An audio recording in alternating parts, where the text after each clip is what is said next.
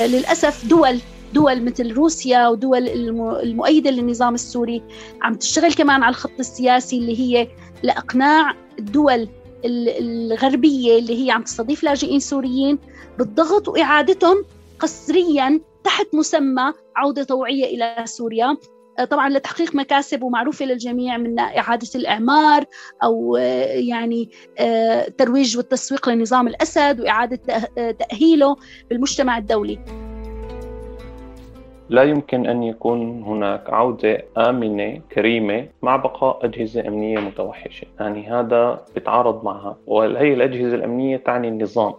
الأكثر توحشا هو النظام اللي بيأمر الأجهزة الأمنية. هو أكثر توحشا من الأجهزة اللي أصدرت لنا صور قيصر. يعني السياسيين اللي هن عم يأمروا هاي الأجهزة الأمنية هم أكثر توحشا منها. إنه بيعرفوا هاي الأجهزة شو بدها تقوم وشو عم بتنتج بمراكزها بالرغم من هيك هم مستمرين ب آه، يعني أمرها بممارسة آه، الأفعال البربرية من تعذيب وحشي وإخفاء قسري. بالتالي لا يمكن عودة مع بقاء وجود الأجهزة الأمنية وبالتالي بقاء النظام السوري الحالي على الإطلاق. والعودة هي جزء من انتقال سياسي. إذا ما تحقق ما في عودة آه، آمنة ولا كريمة. لا يجوز إبعاد المواطن عن الوطن أو منعه من العودة إليه. هكذا نصت المادة الثامنة والثلاثين من الدستور السوري لعام 2012 وهو ما يخالف تماما الواقع الذي عاشه ويعيشه السوريون لسنوات طويلة. فقد أجبر السوريون تحت الملاحقات الأمنية بداية والضربات العسكرية لاحقا والحصار والتجويع والتهجير أخيرا إلى ترك مدنهم وقراهم والتذرر في البلاد الواسعة. فخرجوا من أرض لفظتهم رغما إلى بلاد لم تقبلهم تماما بل أنكرتهم في مرات كثيرة. فبين شعور الاغتراب والاقتلاع من الأرض ومحاولات التأقلم مع حياة جديدة لا تشبه ربما ما كانوا عليه يقفز إلى أذهان السوريين سؤال حق العودة وخصوصا بعد تأرجح القرارات في الكثير من الدول المضيفة إثر توقف العمليات العسكرية في سوريا. أو تحولها إلى عمليات محدودة. فسرت أنباء عن ترحيل سوريين من دول عدة إلى بلدهم الذي فروا منه. فهل يمكن اليوم أن نقول إن العودة ممكنة؟ وما هي الشروط التي تحدد إمكانية هذه العودة؟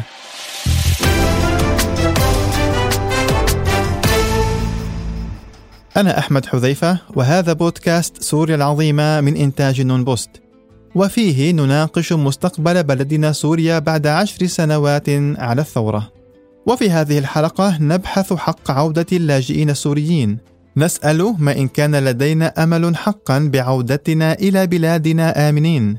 أم مكتوب علينا الاغتراب إلى الأبد. أستضيف في هذه الحلقة فضل عبد الغني مؤسس ورئيس الشبكة السورية لحقوق الإنسان. والدكتورة هالة غاوي العضو في الرابطة السورية لكرامة المواطن وإحدى مؤسسي عائلات من أجل الحرية.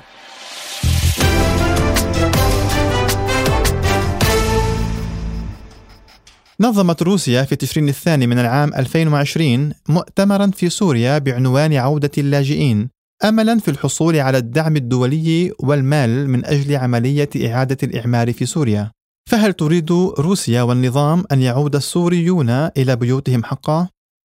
في الحقيقة تشير الوقائع إلى عكس ذلك تماما بدءا من القرارات التي أصدرها النظام وكان آخرها القانون رقم عشرة الذي منحه الحق بمصادرة أملاك السوريين وبالتالي تثبيت عملية التغيير الديمغرافي.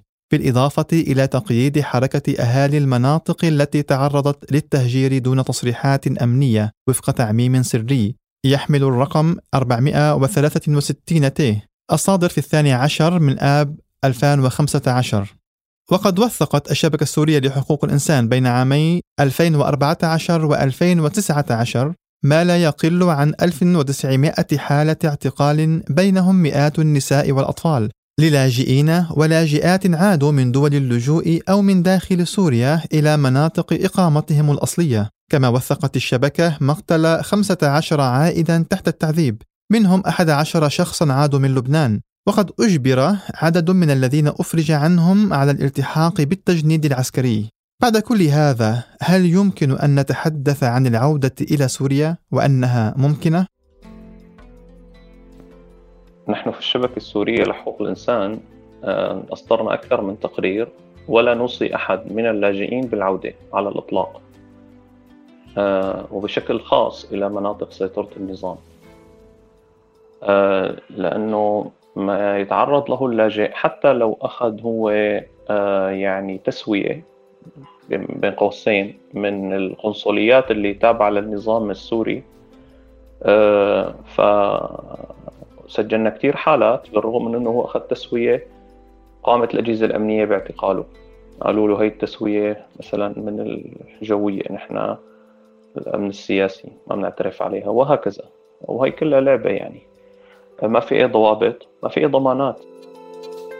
طبعا لا يمكن العودة إلى سوريا وما زال نظام الأسد آه، موجود بالحكم. لأسباب كثيرة. واللي هي أهمها القبضة الأمنية والانتهاكات الكبيرة اللي بتطال المواطنين السوريين والقمع اللي بيحرمهم من أبسط حقوقهم. آه، طالما نظام نظام الأسد موجود طالما الانتهاكات مستمرة آه، طالما الآلاف مئات آلاف المعتقلين موجودين بالسجون السورية ومغيبين آه، طالما المواطن لا يشعر بكرامة ولا يوجد بيئة آمنة أكيد لا يمكن العودة البيئة الآمنة هي أهم شرط للعودة. آه، توفر الأمن الأمان توفر الظروف المعيشية المناسبة توفر الأمان من ناحية خلينا نقول الأمان على شخصه على حياته على أهله على عائلته. كل هاي الأشياء هي شروط أساسية لعودة السوريين لبلدهم.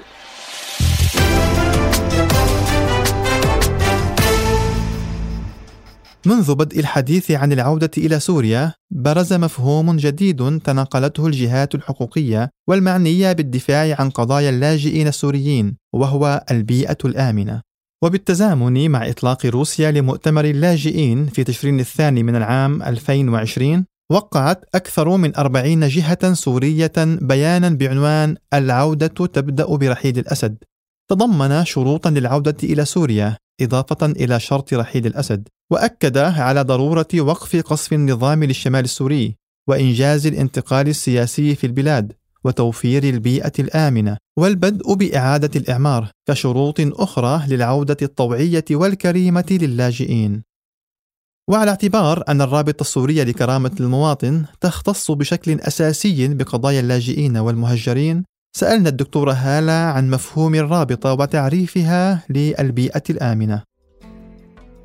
آه، إذا بدنا نحكي عن البيئة الآمنة أي شيء يضمن كرامة المواطن السوري؟ بكل المقاييس. آه، خلينا نقول هو وجوده في مكان يحمي آه، يحمي حياته يمنع الاعتقال عنه في ظروف معيشية مناسبة له ولأبنائه يمكنه ممارسة رأيه السياسي والتعبير عنه. أي نشاط مدني يمكنه ممارسته بدون أي تهديد أو قمع. كل هذه الشروط يعني هي من أساسيات البيئة الآمنة. طبعا إذا بدنا ندخل كمان بالشروط الاقتصادية والاجتماعية وعودته إلى المكان اللي هو نشأ فيه هي من أساسيات البيئة الآمنة.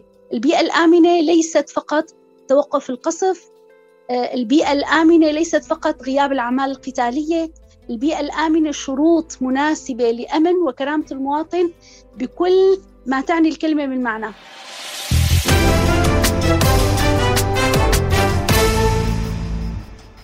أكثر من ثلث السوريين مهجرون من أرضهم ولا شك أن جمهرة كبيرة منهم تريد العودة إلى سوريا على أن الواقع السياسي اليوم لا يشير إلى أن هناك انفراجة قريبة فهل يمكن أن نقول إنهم أصبحوا مهجرين إلى الأبد؟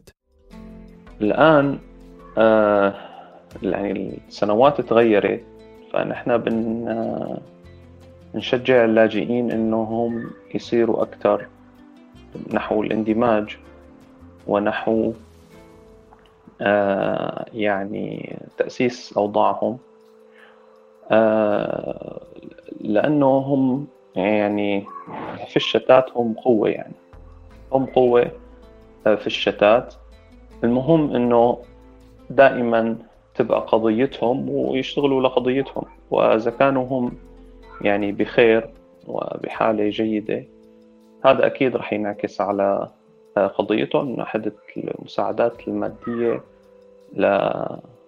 لأهلهم بالداخل وحتى من على صعيد المناصرة السياسية بيبنوا علاقات مع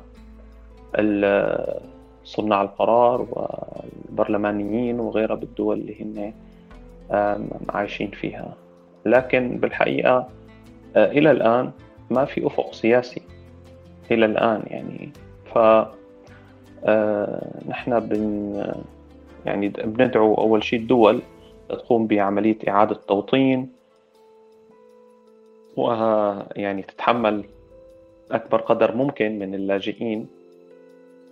آه، وندعو اللاجئين أيضا للتفكير على نحو آه، يعني قريب المدى ومتوسط المدى. خلينا نقول في أحد تقارير اللي تم العمل عليه بالرابطة السورية لكرامة المواطن آه، أخذ بعين الاعتبار أسئلة اللي هلأ عم تنطرح. وعمل استبيانات مع يعني أكثر من ألف شخص سوري ببيئات مختلفة سواء كان بالداخل السوري نازحين سواء كانوا لاجئين بدول الجوار أو حتى كانوا لاجئين آه، بأوروبا وأمريكا. آه، من خلفيات ثقافية مختلفة بأعمار مختلفة آه، ويعني خلينا نقول من من مختلف الفئات اللي بتمثل الشعب السوري. تم عمل استبيان معهم واستطلاع رأي. ليشوفوا رأيهم شو هي البيئة الآمنة ليشوفوا رأيهم شو هي شروط العودة. كان أكثر من 80% من المهجرين السوريين بداخل سوريا أو خلينا نقول النازحين هني بدهم يرجعوا لأماكنهم ومناطقهم الأساسية اللي طلعوا منها. أكثر من 62% كان تقريبا من المهجرين أو اللاجئين بدول آه، أوروبا وأمريكا كمان يرغبون بالعودة. لكن هي العودة أكيد مشروطة آه، بشروط كثيرة اللي ذكرت لك إياها مسبقا واللي أساسها آه، تفكيك هي المنظومة الأمنية القمعية آه، توفر بيئة آمنة من أجل إجراء انتخابات عادلة وحرة تحصيل حقوقهم تحسين الحياة المعيشية الظروف الاقتصادية البنية التحتية الناس اللي تهجرت من بيوتها. بحلب ولا بحمص ولا مناطق الغوطة ولا كثير مناطق بسوريا. هدول كيف كيف بيقدروا يرجعوا بيوتهم مهدمة ومدمرة؟ وين بدهم يرجعوا؟ كيف الناس بدها تقدر ترجع؟ وما زال الاعتقال شغال آه، كل لحظة وكل ثانية وما زال مئات الآلاف من المعتقلين هن مغيبين.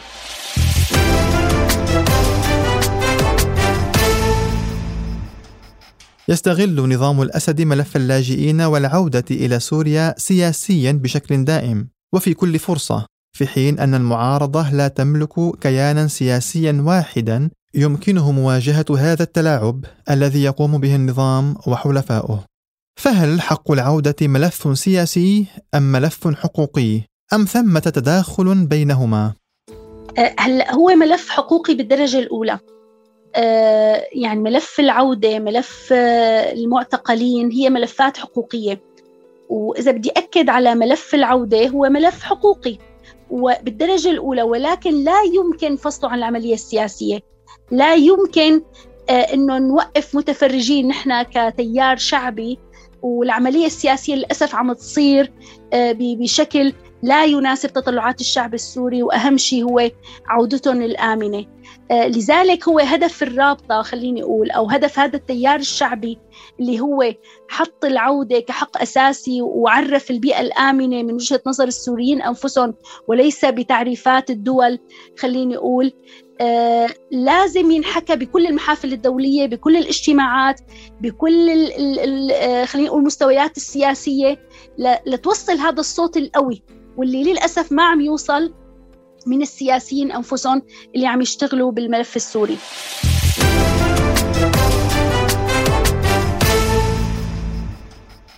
طيب نسمع اليوم الكثير من الدول تطالب السوريين بالعودة إلى بلادهم وبعض الدول بالفعل رحلت أعدادا من اللاجئين الذين تعرضت حياتهم للخطر أو جرى اعتقالهم وتغييبهم من قبل نظام الأسد. فما الذي يدفع تلك الدول لاتخاذ قرار الترحيل؟ وهل هذه خطة ممنهجة لإعادة السوريين قسرا قبل أن تتحقق البيئة الآمنة التي تحدثنا عنها؟ بالنسبة لعمليات العودة أو الإعادة اللي سواء يعني من دول أوروبية أو من دول الجوار بشكل عام خلينا أقول إنه عم يصير في مبالغة وتهويل وتضخيم آه لهذا الموضوع على حساب كسب الشعبوية وكسب إنه هاي المبالغات هي بتضر اللاجئين الموجودين وعمليات التعميم الشديدة. وهي بالواقع ما هيك ما هيك هذا الموضوع آه تكرر بلبنان وعملية الإعادة وحزب الله وعم يرجع وما عم يرجع وكذا وبيحطوا لك أرقام. وخمسة آلاف وبال كلها. بيشتغل الشلف بيشتغل المزاودات. ما في إعادة قسرية من لبنان.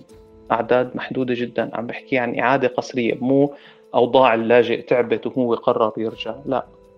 وطبعا في بنعرف يعني ما يعني يعني بنعرف إنه في عنصرية بلبنان وبنعرف إنه في تضييق على أوضاع اللاجئين وهو إلى آخره. كلها بنعرف. بس الإعادة القسريه يعني اعتقلوا ورجعوا. قال له الوضع آمن أو قال له كذا أو سلموا اعداد يعني أقل من 100 حالة خلال كل السنوات من 2014 إلى الآن.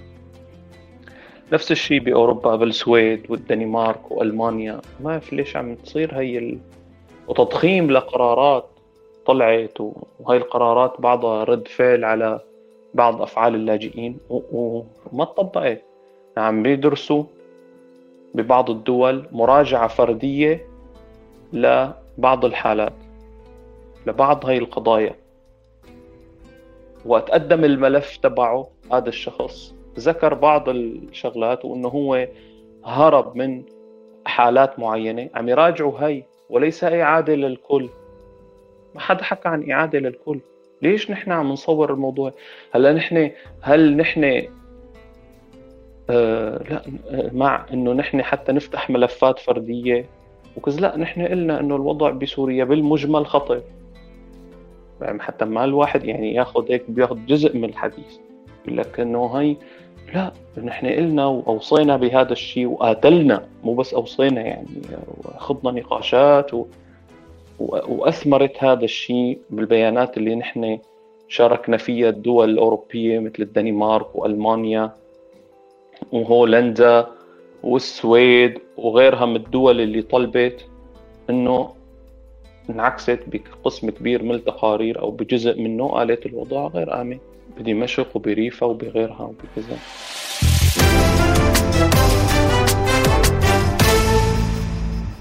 جميل. ولكن بعض الدول قدمت مبالغ مالية للاجئين من أجل العودة إلى سوريا مثل الدنمارك والسويد. وقد شاهدنا بعض الحالات لأناس قرروا العودة إلى سوريا بمقابل مادي من الدولة المضيفة. في مؤسسات بهي الدول تستلم هاي القضايا وبتدافع عنها وبيتم توكيل محامي صارت بالسويد وتواصل معنا عدد من هاي الدعاوى. زودناهم بملفات قدم المحامي وتم إعادة النظر بالموضوع وبقيت وما رجعوا. الموضوع ما بهي الصورة اللي عم يتم التصوير إلها أبدا أبدا. هلأ بدول الجوار الوضع أسوأ شيء من عمليات الإعادة والكذا آه الأردن أقل دولة إعادة بتركيا في عمليات إعادة للي عم يعبروا حدود كثيرة عمليات الإعادة عم تصير خاصة إنه عم يعتبروا إنه هي المناطق بسوريا يعني إنه نحن عم نديرها فهون مثل هون بس هي بالقانون الدولي لا هي إعادة. متى من عبر الحدود بطريقة يعني غير قانونية؟ هو ما عم يعبر بطريقة قانونية وهذا حقه ما يعبر بطريقة غير قانونية على فكرة يعني. بيلاقي إنه هذا بطريقة غير شرعية. ما شو ما غير شو غير شرعية. لا ما أنا غير شرعية. غير قانونية. نعم هو حقه إنه تنفتح قدامه الحدود. لأن إحنا نفهم الموضوع. السوريين من حقهم إنه العراق يفتح حدوده والأردن ولبنان وتركيا. وحقه أيضا إنه هي الدول تفتح حدودها أمام ينتقل لدول ثانية ما بده هو يقعد بالعراق ولا بده يقعد ب... بده يلجأ. فهذا من حق اللاجئ إنه يلجأ. حقه هو مهدد بهي البلد. دولته النظام القائم عليها عم يهدده. يعني اذا الموضوع بده يتناول وقت نتناول نحن موضوع اللاجئين هذا موضوع مشربك ومعقد. بيتناول من كل هي الأبعاد. وليس إنه خبر وهيك نحن عم نوتر اللاجئين بهي البلدان وعم نلبكهم بهي المبالغة.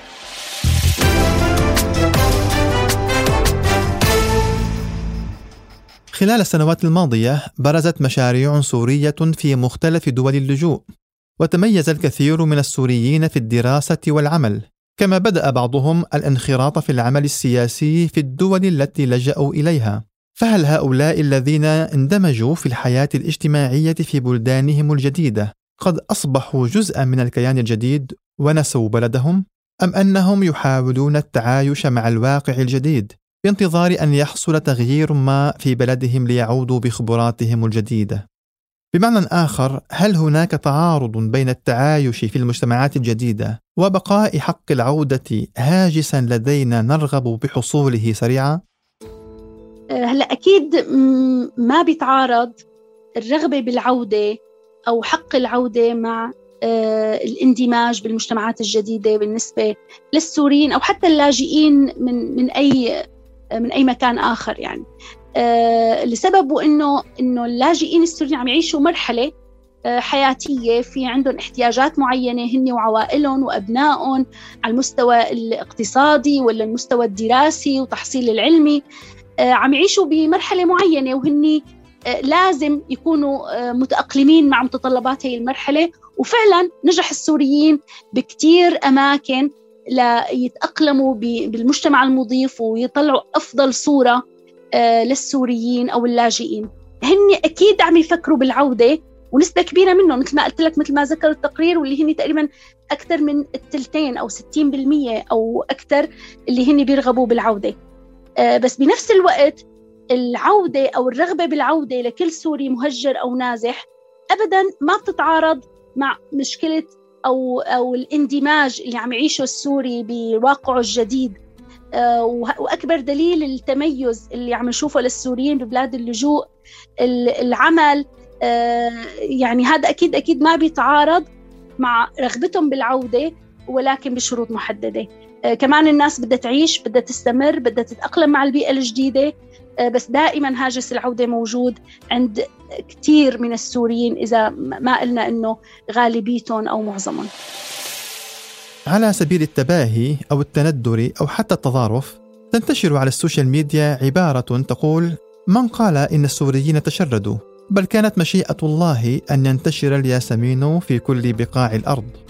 في الواقع وبعيدا عن هذه المقولة المرحة يمكن للاجئين السوريين أن يتباهوا بروح العصامية والجد والمثابرة التي صبغت سمعتهم في كل مدينة لجأوا إليها بعد أن أحيوا مدنا كثيرة كانت قبلهم خاملة ونشروا بالفعل الثقافة السورية في أرجاء كثيرة ما كانت لتصلها. وربما يمثل هذا نموذجا للحياة التي ستدب في سوريا بعد خرابها عندما يعود إليها أبناؤها المشتاقون إليها المتحفزون لإعمارها. ولكن كيف يعودون؟ وذلك المخرب الشرير جاثم في ديارهم. شارك بإعداد هذه الحلقة الصديقان عبيد عامر ويوسف موسى. استمعوا إلينا عبر أي منصة بودكاست تفضلون. ألقاكم على خير.